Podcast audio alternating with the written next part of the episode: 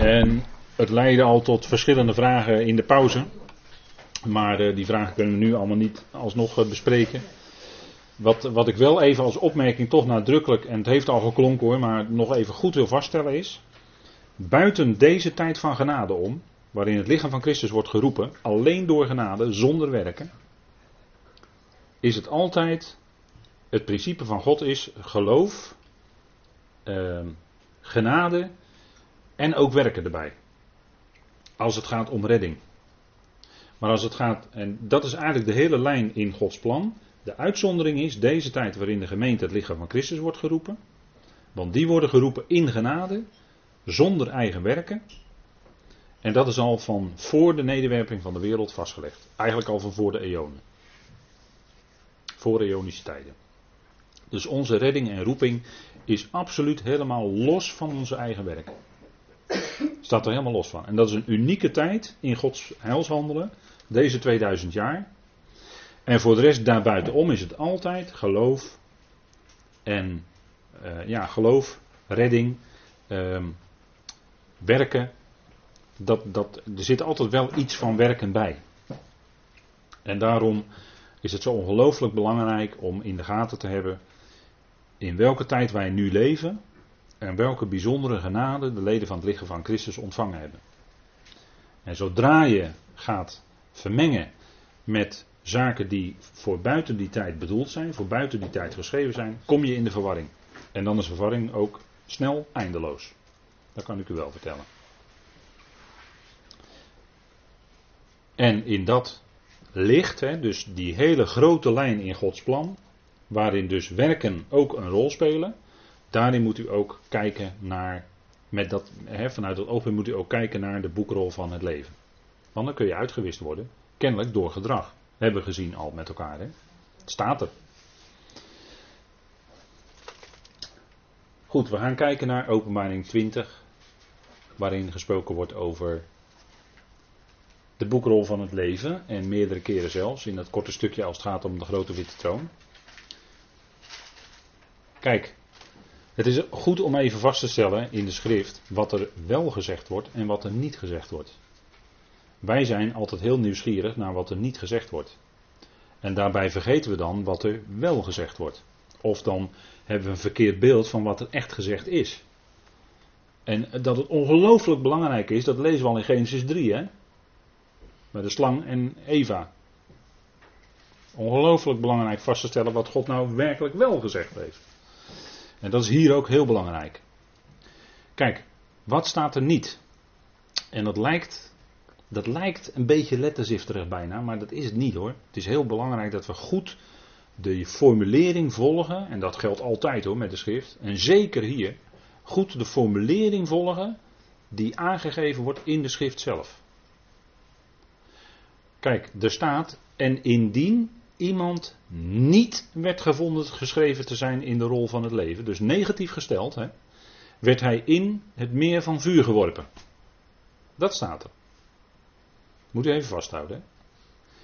Wat staat er dus niet? Wat staat er dus niet? Er staat dus niet dat indien iemand gevonden werd geschreven te zijn in de boekrol van het leven, werd hij niet in het meer van vuur geworpen. Dat staat er niet. Ja, dan zegt u ja, maar dat wordt geïmpliceerd. Nee, nee, wacht even. Voorzichtig zijn, voorzichtig zijn. Wat hier echt staat is, indien iemand niet werd gevonden geschreven te zijn in de boekrol. Dus een negatieve stellingname. Dat is belangrijk hoor. Werd hij als gevolg daarvan in de meer van het vuur geworpen. Dat is even wat u goed tot u moet laten doordringen. En ik weet dat het wat later op de avond is, dat het moeilijker is, zeker voor hen die wat ouder zijn in ons midden. Maar even dit goed duidelijk vaststellen. Hè? Kijk, we hebben nog meer vergelijkbare teksten waarin eenzelfde formulering te vinden is. En hier staan een drietal die in de schrift voorkomen. En dat is dezelfde zinsbouw, namelijk en indien iemand niet. Drie keer, hè? In 1 Korinthe 16 staat: Indien iemand niet de Jezus Christus toegenegen is, hij zij anathema. En dan staat er nog bij Maranatha, dat weet u hè. Dus waar gaat het over? Het gaat hier over degene die niet de Jezus Christus toegenegen zijn. Zijn wel leden van het lichaam van Christus? Zijn wel leden van het lichaam van Christus? Maar als ik het even simpel zeg, ze hebben de Heer niet, niet lief in de praktijk.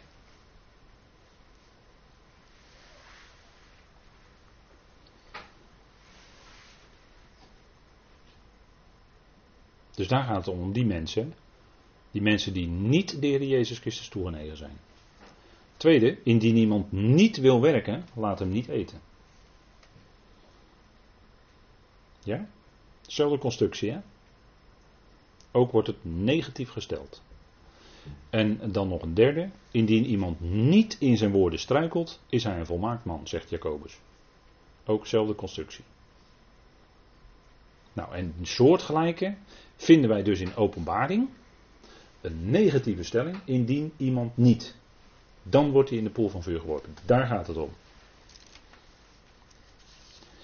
En als we dan kijken, want ik weet niet of ik dat op de. Ja. Dus even laten, probeer het even te laten bezinken. Want wat wordt er nou eigenlijk gezegd in Openbaring 20, vers 14 en 15? Waar gaat het eigenlijk om? Het gaat om al die doden die opgestaan zijn en die staan voor de grote witte troon. En die worden allemaal geoordeeld, gericht naar hun werken. Degene die dat doet is de Heer Jezus Christus, uiteraard. En mogelijk zijn ook wij daar betrokken. Weten jullie niet dat jullie de wereld zullen richten, zegt Paulus in 1 Korinthe 6. Maar goed, even terzijde. Het gaat erom dat hier de Heer Jezus Christus zit als richter. Want hij is degene die al het gericht uitvoert in Gods plan. En dan staat er in Openbaring 20, vers 14, als dat gericht dus voorbij is, want we gaan niet verder dieper in op de wijze waarop dat gericht dan plaatsvindt enzovoort. En dan staat er en de dood en het onwaarneembare, dus de dood en de Hades. Wat altijd vertaald wordt bij dodenrijk, maar het is nou eenmaal geen plaats. De Hades is niet een bepaalde plaats. In de Griekse mythologie wel, maar in de Bijbel niet. In de Bijbel is de Hades geen plaats. In de Bijbel is Hades de aanduiding voor onwaarneembaar. Dat betekent het woord ook letterlijk. En de technische details, dat komt dan wel misschien een andere keer weer. Als we hier uh, ooit over komen te spreken. Maar er staat, en de dood en het onwaarneembare werden in het meer van het vuur geworpen. En er wordt erbij gezegd, dit is de tweede dood, het meer van het vuur. Kijk, de dood en het onwaarneembare, waar slaat dat eigenlijk op? Dat slaat eigenlijk op al die mensen die voor de grote witte troon hebben gestaan, zijn gericht. En dat gericht is dan voorbij op een gegeven moment. En daarna worden zij geworpen in de meer van het vuur. Dat is de tweede dood. Vandaar dat het hier gezegd wordt. Kijk, dat is natuurlijk beeldspraak. De dood en het onwaarneembare werden in het meer van vuur geworpen. Dat is natuurlijk beeldspraak. Want wat is de dood en wat is het onwaarneembare? Kun je die dan oppakken en weggooien zo in, in, in dat vuur? Dat kan niet. Dat is beeldspraak.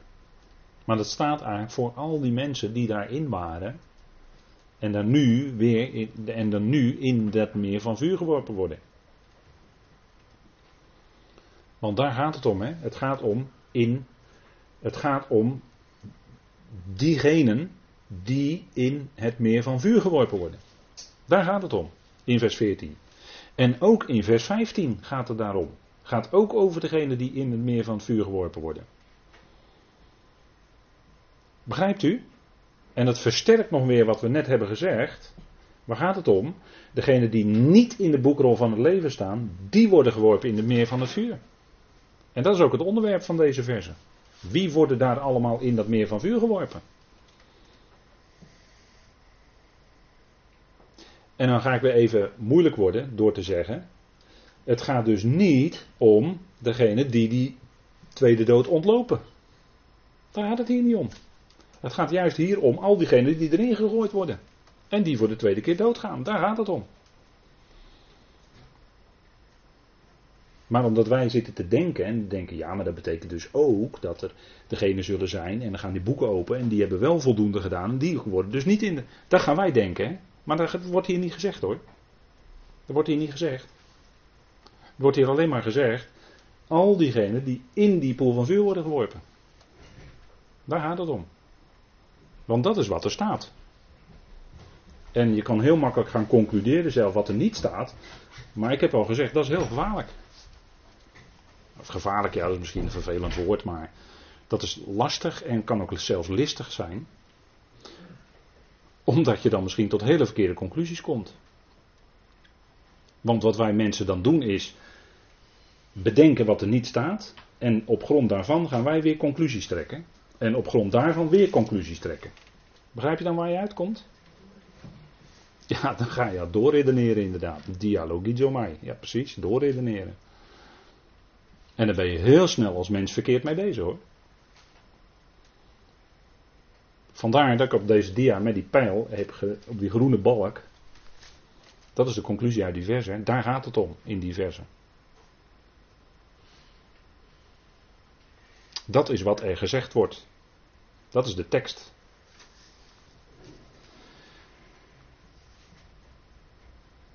En dat blijkt dus dat diegenen die kennelijk uit die boekrol van het leven gewist zijn geworden, hun namen, dat die dus bij die grote witte troon komen.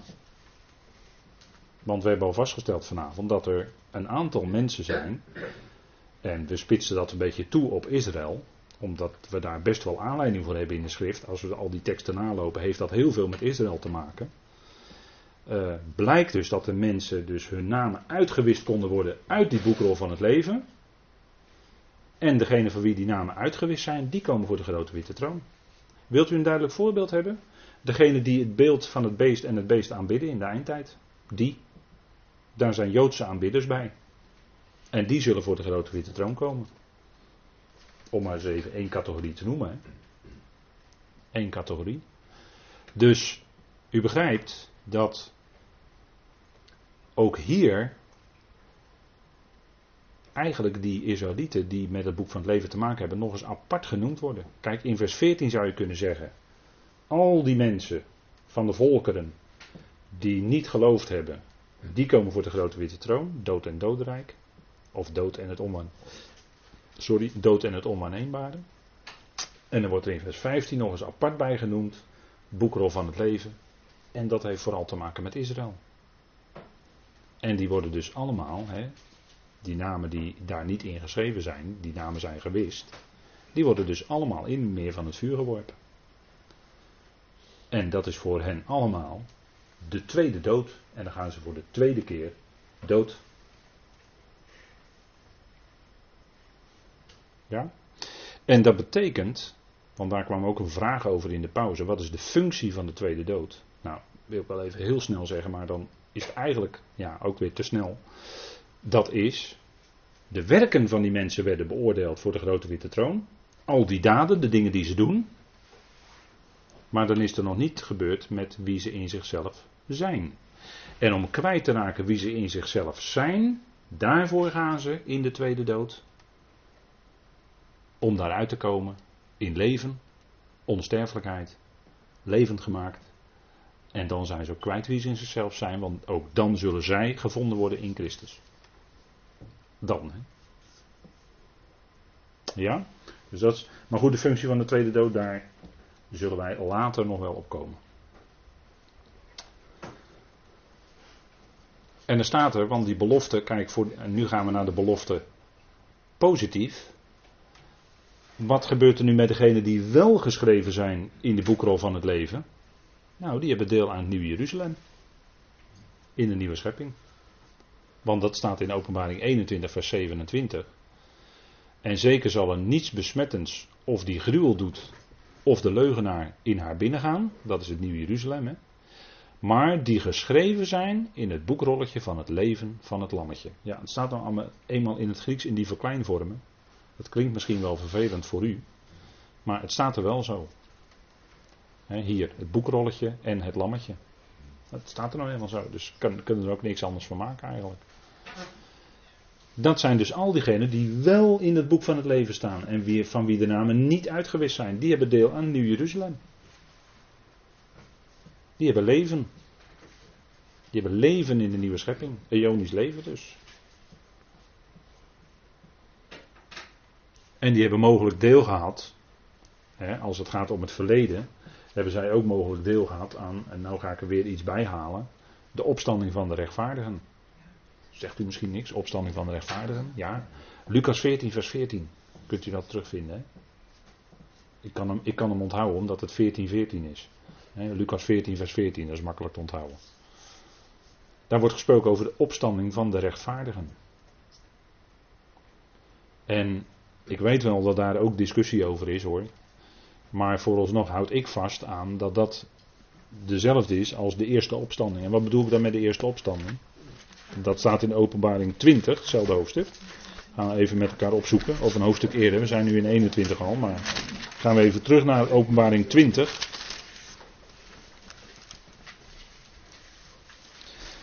Kijk, we hebben nu gezien dat die opstanding bij de grote witte troon niet een opstanding is ten leven, hoe tegenstrijdig dat ook lijkt, maar het is een opstanding ten gericht. Het is een opstanding ten gericht, niet ten leven. Want ze, kennelijk is het zo dat al diegenen die bij die grote witte troon komen, gaan allemaal de tweede dood in. Kennelijk. En, en tot nu toe heb ik ook geen andere. Ja, kun je, als u het mij vraagt, kun je tot, niet tot een andere conclusie komen. Maar goed, ik weet er is heel veel discussie over, heel veel, wordt heel veel gezegd. En, maar goed, we moeten ons houden aan de nauwkeurige uitspraken van de schrift zelf. Ja, en als je daarop afgaat, zeg ik toch van nou. Er staat in openbaring 20. En dan lees ik met u even vanaf vers 4. En ik zag tronen en ze gingen daarop zitten en hun gericht werd, aan hun gegeven. En ik zag de zielen van hen die onthoofd waren om het getuigenis van Jezus en om het woord van God. Dat zijn dus uh, degenen die omgekomen zijn in de grote verdrukking. Die zijn dat, hè? Die het beest en zijn beeld niet hadden aangebeden. Die het merkteken niet ontvangen hadden op hun voorhoofd en op hun hand. En zij werden levend, dus een opstanding hè, hier. En gingen als koningen regeren met Christus duizend jaar lang. Het gaat hier om Israël. Want aan Israël is de belofte gegeven dat zij koningen en priesters zullen zijn met Christus. Het koning en priester zijn is nooit een belofte die gegeven is aan het lichaam van Christus. Ik zeg het er nog maar even een keer bij. Hè? U vindt dat niet in de brieven van Paulus terug. Wel bij Petrus, wel bij Petrus. Maar dan heb je het ook over de besnijdenis weer. Hè? Dan heb je het over Israël. 1 Petrus 2 vers 9. Ja? Dat, dat zij koning en priester zullen zijn. Klopt. Dat is ook de belofte die hun al in Exodus 19 gegeven was bij het oude verbond. Maar hier staan ze op en nu gaan zij met Christus in dat nieuwe verbond. Want dit is ook tegelijkertijd voor hen het aanbreken van het nieuwe verbond. Hè? Het nieuwe verbond, wat, is wat hij zal sluiten met het huis van Juda en met het huis van Israël. En het zal worden één kudde, één herder. Ja, ik ga nu even wat sneller door de schrift heen. Maar dat betekent dat zij hier aan deel hebben. Zij zijn koningen en priesters. En ze zullen met Christus regeren. En priester zijn duizend jaar lang. En dat regeren met Christus gaat nog door in de nieuwe aarde. Maar dat priester zijn is dan voorbij. Want dan woont God zelf te midden van de mensen. En dan heb je geen priesterschap meer nodig. Dan heb je geen priesterschap meer nodig. Dus zullen zij wel koningen nog zijn op de nieuwe aarde. Dat staat er ook allemaal in de openbaring. Maar hier gaat het om de opstanding. De overigen van de doden werden niet levend totdat de duizend jaar tot een einde gekomen waren. Dit is de eerste opstanding, of de vorige opstanding, wordt dan ook wel vertaald. Daar is ook hele felle discussies of je nou eerste of vorige moet vertalen. Ja, goed. Ja, ja oké. Zeg je vorige, prima. En als je deel hebt aan die eerste opstanding, wordt er gezegd: gelukkig en heilig is hij die deel heeft aan de eerste opstanding. Over hen heeft de tweede dood geen macht. Dus kennelijk worden hier ook bedoeld degenen die hun namen geschreven zijn gebleven in het boek van het leven. Want daar hebben we het over vanavond. Hè? Over hen heeft de tweede dood geen volmacht, geen exousia. Maar ze zullen priesters van God en van Christus zijn. En ze zullen met hem als koningen regeren duizend jaar lang. Ziet u, koninklijk priesterschap, priesterlijk koninkrijk. Dat is allemaal van Israël beloofd. Hè? Allemaal Israël. Kan nooit, geldt niet voor de leden van het lichaam van Christus. En dan staat er, als die duizend jaar tot een einde gekomen zijn, nou goed, dan, dan krijg je allemaal uh, ontwikkelingen op deze aarde. En dan zien we dus dan in vanaf vers 11 dat laatste oordeel, het laatste gericht voor de mensen. En dat zijn dus al diegenen die dus bij die vorige opstanding, die daar geen deel aan hebben gehad, die zullen dan opstaan bij die grote witte troon. Ik heb nu even buiten beschouwing gelaten het lichaam van Christus. Want die worden hier niet bedoeld. Wij hebben deel aan een nog eerdere, ik zou bijna willen zeggen geheime opstanding bij de bazuin Gods. Dan zullen wij opgewekt worden en opstaan en levend gemaakt worden. En dat speelt zich natuurlijk af voordat die eerste opstanding, waar dan hier gesproken wordt in openbaring 20, waar hierover gesproken wordt, maar daarvoor, daarvoor dat is uh, voor de grote verdrukking, want daartussen zit minstens de grote verdrukking en nog meer hoor, maar in ieder geval de grote verdrukking, of de laatste jaarweek van Daniel moet ik eigenlijk zeggen. Dus de gemeente wordt opgenomen, de doden in Christus zullen dan opgewekt worden, levend gemaakt, 1 Thessalonicense 4. Dan, hoe lang weet ik niet, maar dan krijg je daarna de laatste jaarweek van Daniel. En dat is zeven jaar, dat weten we wel. En dan nog een zekere periode. En dan krijg je dus die eerste opstanding waarvan hier gesproken wordt in openbaring. Dan krijg je de duizend jaar. En dan pas de opstanding bij de grote witte troon. dus je kan zeggen, je hebt als het ware twee uitopstandingen. De eerste uitopstanding is voor het lichaam van Christus. De tweede uitopstanding is hier, die hier beschreven wordt in openbaring 20. En daar kun je heel lang over discussiëren wie daar wel en niet bij zijn. En dan heb je de opstanding bij de grote witte troon. Dat is dan de laatste groep. En die wordt dan, hè, dat is een grote groep, en die wordt dan beoordeeld naar hun werken. En die gaan allemaal nog de tweede dood in. En natuurlijk krijg je dan de opheffing van de tweede dood. Maar goed, dan is Gods plan helemaal voorbij en dan heeft iedereen leven. Dus hoeven we al niet meer te spreken over opstanding. Wanneer is dan opstanding van de rechtvaardige hier? Dat is hier deze, deze opstanding die hier genoemd wordt. In openbaring 20. Dat is de opstanding van de rechtvaardigen, als u het mij vraagt. Aan het begin van het duizendjarig rijk. Ik begreep dat er mensen waren die juist in dat, die laatste jaarweek dat beest aanbieden. Ja, ook. Die worden, die worden specifiek genoemd.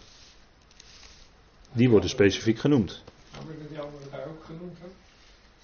Dat, nou kijk, de overige van de doden, staat er, werden niet weer levend. Totdat de duizend jaren. dat zijn uh, kijk, als je het wil beperken tot al diegenen die in die uh, grote verdrukking zijn omgekomen. Als je daartoe wilt beperken. Dan wordt dat van hen gezegd natuurlijk. Er zijn allemaal mensen gedood in die gerichten, in die grote verdrukking. En van die mensen wordt allemaal gezegd, ja, die zijn in ongeloof gestorven, of in vijandschap tegen Christus, of hoe je het ook noemen wil. En die zullen ook niet opstaan. Maar degenen die wel opstaan, dat zijn de martelaren. Want daar gaat het hier over, hè, dan. Hè? De zielen van hen die onthoofd waren om het woord van God en om het getuigenis. En er staat er, en zij werden, werden levend. Maar er wordt ook niet gezegd dat alleen zij, maar zij werden levend. Zij hebben deel aan een opstanding. En de overigen, al die anderegenen die ook gedood zijn in de grote verdrukking.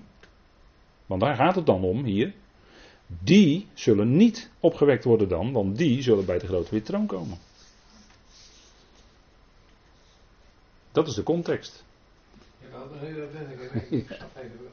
Ja, ik begrijp het. Ik begrijp de vraag. Die, die ja. waren lang dood. Ja, klopt. ja, maar, die, maar er wordt wel degelijk gesproken over de opstanding van de rechtvaardigen. En we hebben al gezien dat de grote witte troon, dat al diegenen die daar komen, die worden geworpen in de tweede dood. Dus dat zijn geen rechtvaardigen. En die staan ook, hè, hun namen staan ook niet. hè, van al diegenen die voor die grote witte troon komen, hun namen staan ook niet in de boekrol van het leven. Wat hebben we gezien, hè? Het wordt negatief gesteld. Al diegenen wie namen niet geschreven staan in de boekrol van het leven, die zullen daar staan en die gaan ook de tweede dood in. En al die anderen, ja, die komen niet eens voor de grote witte troon, want die hebben leven. Die staan in het boekrol van het leven. Die, die horen ook bij die rechtvaardige Joden. Ja, dus het, het een sluit het ander niet uit, hè. Soms kunnen we onbedoeld en onbewust kunnen we uitsluitend gaan lezen, terwijl er toch iets meer bedoeld wordt. Want er wordt in de schrift wel degelijk gesproken over de opstanding van de rechtvaardigen. Laten we dan maar even lezen in Lucas 14, dan kunt u het zelf zien staan. En die rechtvaardigen, die hebben echt een Jonisch leven. En die gaan toch echt, als u het mij vraagt, echt die duizend jaar in. Maar dat is ook een belofte, dat ze ook een Ja. Ja, precies. Dat is ook een belofte, zeker. Want als ze geen deel zouden hebben aan die duizend jaar, kunnen ze ook niet als priesters regeren. Nou, dat, dat, en dat is, want koning is alleen maar op de nieuwe aarde. Dus priesters en koningen geldt alleen maar in de duizend jaar rijk. Ja.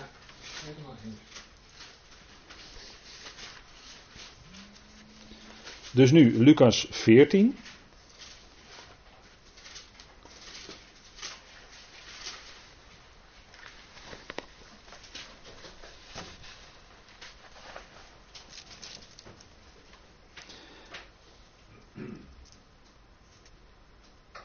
En dan staat er in vers 14, en u zult gelukkig zijn. En dan gaat even nu niet om de context, maar omdat ze niets hebben om u te vergelden. Want het zal u vergolden worden in de opstanding van de rechtvaardigen. Zie je? De opstanding van de rechtvaardigen wordt hier genoemd, hè? Nou, de opstanding van de rechtvaardigen is, ja, en er wordt een belofte gegeven aan, eh, aan Abraham, Isaac en Jacob. En dan wordt ook tegen ze gezegd van, u zult met hen aanliggen in het koninkrijk van de hemelen. Ja. En het koninkrijk van de hemelen begint toch echt aan het begin van de duizend jaar hoor. Dat kan je echt niet anders uit schrift. const- anders moet je gaan, eh, dingen gaan construeren, als u het mij vraagt. Maar de, het, eh, het, eh, het koninkrijk van de hemelen, nou dat hebben we al uitgebreid gezien bij het bespreking van het boek Daniel. Dat begint aan, dat, dat, dat is hetzelfde als dat aanvang van de duizend jaar. Dat is het koninkrijk van de hemelen. En da- daar, wordt- daarin wordt ook de belofte gegeven van koning en priester zijn. Dat heeft allemaal met elkaar te maken. Later ben je Ja. als Jood voor de wet ook een rechtvaardige. Nou ja, wat, wat bedoel je daarmee? Met, Nou, wat is de rechtvaardige? Vind ik dat je recht doet aan God als de wethouder. Ja, Maar voordat de wet ja. er kwam, waren natuurlijk ook Joden. Dus. Die waren, Abraham was geen Jood, hè? Nee, dat was ook Nee, nee. Maar waren wel Joden voor de wet. Toch? Nou, Israël als volk werd pas Israël en, en, en, en stammen en, enzovoort. Pas met, ja, met de wetgeving. Dan ben je rechtvaardig. Toen werden de, eh, ook ingedeeld naar de twaalf stammen enzovoort. Maar een, een, een rechtvaardige. Kijk, Noach werd ook een rechtvaardige genoemd. Dus dat, dat is niet alleen de gerechtigheid van de wet doen. Dat, dat, eh, dat maakt niet tot een rechtvaardige. Ik dacht dat een criteria. Nee, de, eerder geloof hoor. Want onder de wet wordt in Habakkuk gezegd: de rechtvaardige zal uit geloof leven. Maar ja, dan kan je zeggen, de wet is hun geloof in wezen. Nee, want er wordt duidelijk, er wordt, nee, nee, nee, nee, er wordt duidelijk onderscheid gemaakt in de schrift tussen geloof en werken van de wet doen. De rechtvaardige zal uit geloof leven, niet uit werken van de wet, want dat kon hij niet. Maar noem maar iemand die het kon. Dus niemand die volledig de wet kon houden. Vraag maar, vraag maar aan Paulus, die wist dat heel goed. Er was niemand die de wet kon houden, toch? Alleen de Heer zelf. Hij is de vervulling van de wet. Hij is ook de vervulling van de wet, inderdaad. Het ging niet eens zozeer om, om puur strikt alles, alles te, te volbrengen van de wet, want dat hoefde de Heer ook niet. Dat hoefde de Heer ook niet. Die hoefde niet alles te vervullen van de wet. Hè? Toch? Voor, voor welke zonde had de Heer Jezus een offer moeten brengen bij de priester? Voor welke zonde? Nee, hij was zonder zonde, dus hij hoefde ook geen offers te brengen. Geen duif, geen os, niks. Hoeft allemaal niet. Hoeft- Dus op die manier kon hij de wet niet vervullen, kon hij de wet niet doen. Dat kon niet.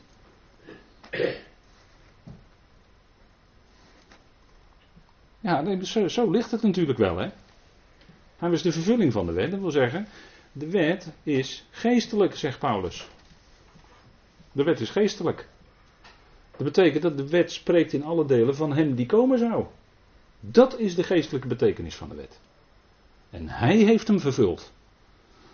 En op grond van zijn werk, ja, zijn wij gerechtvaardigd, inderdaad. Maar dat heeft niet te maken met volbrengen van de werken van de wet. Zo niet. Nee. Nee, kijk, als wij iets van de wet kunnen houden, stel hè, dan is dat alleen maar door de kracht van de geest van God. Maar dan gaat het, bij ons gaat het ook helemaal niet doen om degene die dat doet zal daardoor leven. Wel nee, wij hebben leven. Wij hebben leven. Om niet. Daar hebben we het vanavond over gehad. We hebben leven om niet ontvangen in Christus Jezus als een genadegeschenk. Nou, dus, dus als wij leven, dan is dat door de geest. En als wij dan zelfs meer doen dan de wet eist, want dat is de liefde. Dat is zelfs wat, dat wat boven de wet uitgaat. Dat is het summum van de wet. Hè. Dat is het completering van de wet, zegt Paulus in Romeinen 13. Dat is de liefde. En daar zit alles in. En dan gaat het niet meer om proberen je aan de wet te houden, want dat, dat gaat het niet worden. Maar dat is wat we hier avond aan avond hier met de Galatenbrief bespreken. Zeer uitgebreid. Dan kun, je, je het aan alle kanten horen. Maar het gaat erom dat wij leven, werkelijk leven, dat hebben we ontvangen door de geest van God. En dat is niet op basis van onze werken, nee, dat is op basis van zijn genade en zijn liefde. En door dat leven wat we hebben ontvangen, kunnen we leven tot eer van Hem. Ja, maar dan is het ook allemaal zijn eer, want dan is het zijn leven in ons. Ja.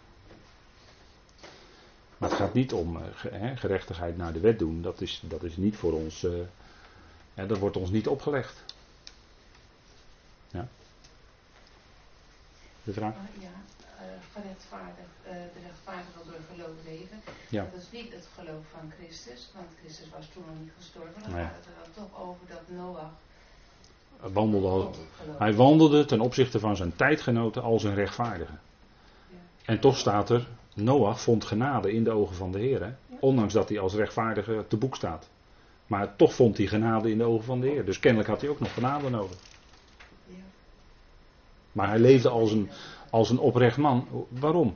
Hij geloofde dat woord van God. God had tegen hem gezegd van er gaat de vloed komen, je moet een ark gaan bouwen. Dat deed hij. En daarmee handelde hij uit geloof. En daarmee was hij ten opzichte van zijn tijdgenoten een rechtvaardige. Zoals Abraham en zo. Precies Abraham net zo. Die handelde ook in geloof. Wandelde in geloof. Maar het ging eerst om aanvaarden wat God zegt. Dat maakte Adam, eh, Abraham tot een rechtvaardige. Dan is nog helemaal geen sprake van werken. Genesis 15. Pas daarna, als die besneden is, gaat hij wandelen. Enzovoort, enzovoort. Maar eh, rechtvaardiging is door geloof. En dat is geloof in de uitspraken van God.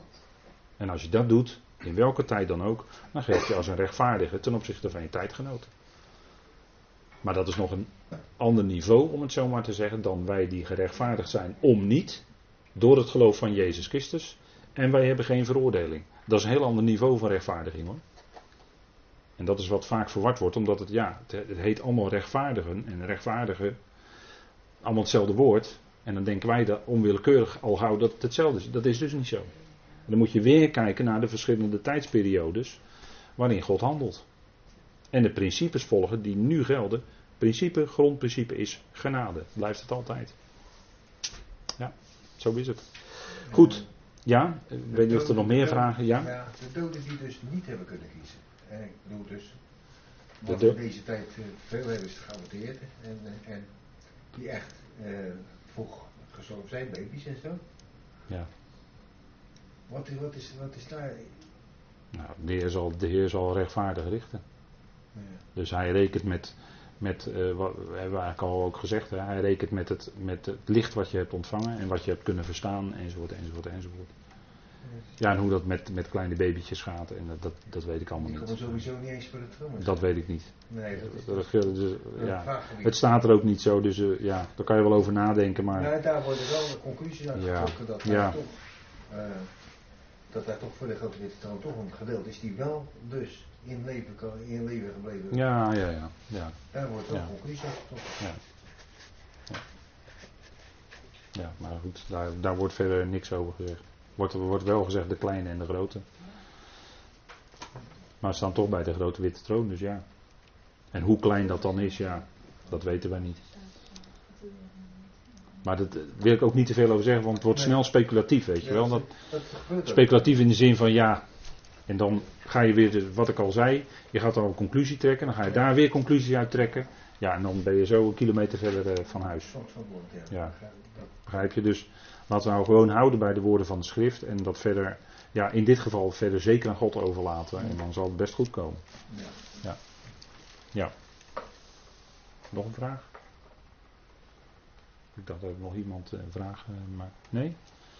Oké, in verband met de boekrol van het leven misschien nog een vraag. Maar.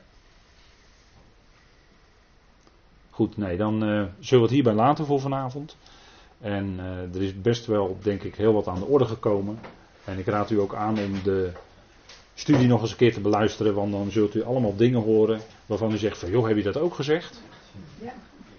Weet u, dat weet ik zelf, omdat ik zelf ook heel veel luister naar eh, Bijbelstudies. En als ik dan een Bijbelstudie twee of drie keer luister, dan de derde keer denk ik van, heeft hij dat ook gezegd? Ja, heeft hij ook gezegd. En dat had ik de eerste twee keer nog niet gehoord. Zo gaat het gewoon bij ons mensen. Dus daarom zeg ik van, luister nog eens een keer rustig deze studie af en dan zult u misschien wel antwoorden krijgen op dingen waarvan u dus nu zegt van, dat is nog een beetje grijs bij me, dat wil ik graag nog even duidelijk hebben. Nou, en als u dan helemaal niet uitkomt, dan hoor ik dat graag, dan stelt u een vraag. Prima. Goed, we laten het hierbij voor vanavond. We zullen de Heer danken. Trouw vader, wij danken u dat we ook vanavond dit bijzondere onderwerp mochten bespreken. En vader, dan zijn misschien onze detailvragen nog niet allemaal ingevuld. En zijn er ook vragen, vader, waarvan we weten dat daar eigenlijk heel moeilijk voor ons nu te beantwoorden is. Maar vader, we zijn er zeker van dat we in de toekomst bij u daar antwoord op zullen krijgen. Dank u wel, vader, dat u uw plan zo heeft ingericht. En dan kan het soms misschien wel ingewikkeld lijken, vader, maar u trekt verschillende lijnen in uw plan. Het is heel wonderlijk, zit het in elkaar. En dank u wel dat wij leden mogen zijn van het lichaam van Christus. Vader, dat staat vast. En u komt ook met uw volk Israël tot uw doel, dat staat ook vast. En uiteindelijk met alle volkeren, met alle mensen. Vader, ook dat staat vast. We u daarvoor.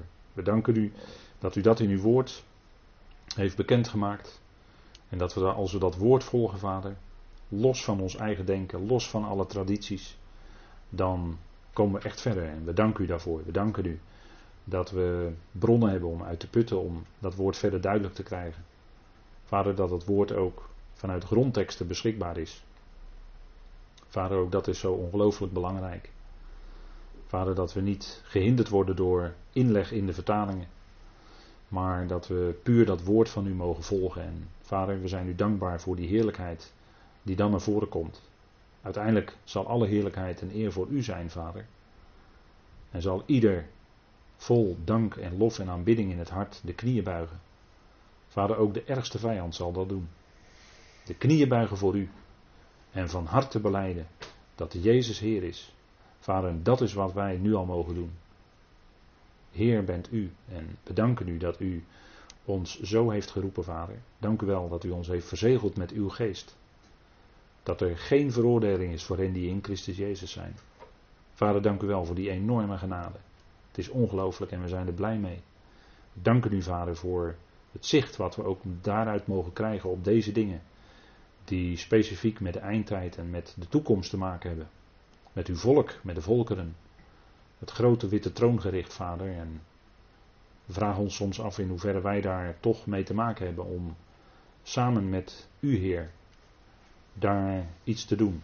Maar Vader, ook dat zeggen we met schroom, want wie zijn wij? Dank u wel, Vader, dat u ons zo roept en trekt en genade schenkt. En dat we, Vader, mogen leven in die troostvolle zekerheid. Dat wij al degenen die ons zijn ontvallen weer zullen terugzien bij de bazuin Gods. Als de doden in Christus tot leven gewekt zullen worden. En wij samen met hen tegelijk in wolken weggerukt zullen worden. Om u te ontmoeten, Heer, in de lucht. Wat een ongelooflijk moment zal dat zijn. Vader, kunnen we ons niet voorstellen, maar we geloven het, we beleiden het en we zijn er dankbaar voor. Vader, dank u wel dat dat moment dichtbij is. Dat we daarna uit mogen zien. Dank u voor die troost, dat we elkaar mogen bemoedigen met die woorden. Vader, we danken u daarvoor in de machtige naam van uw geliefde Zoon, onze Heer Christus Jezus. Amen.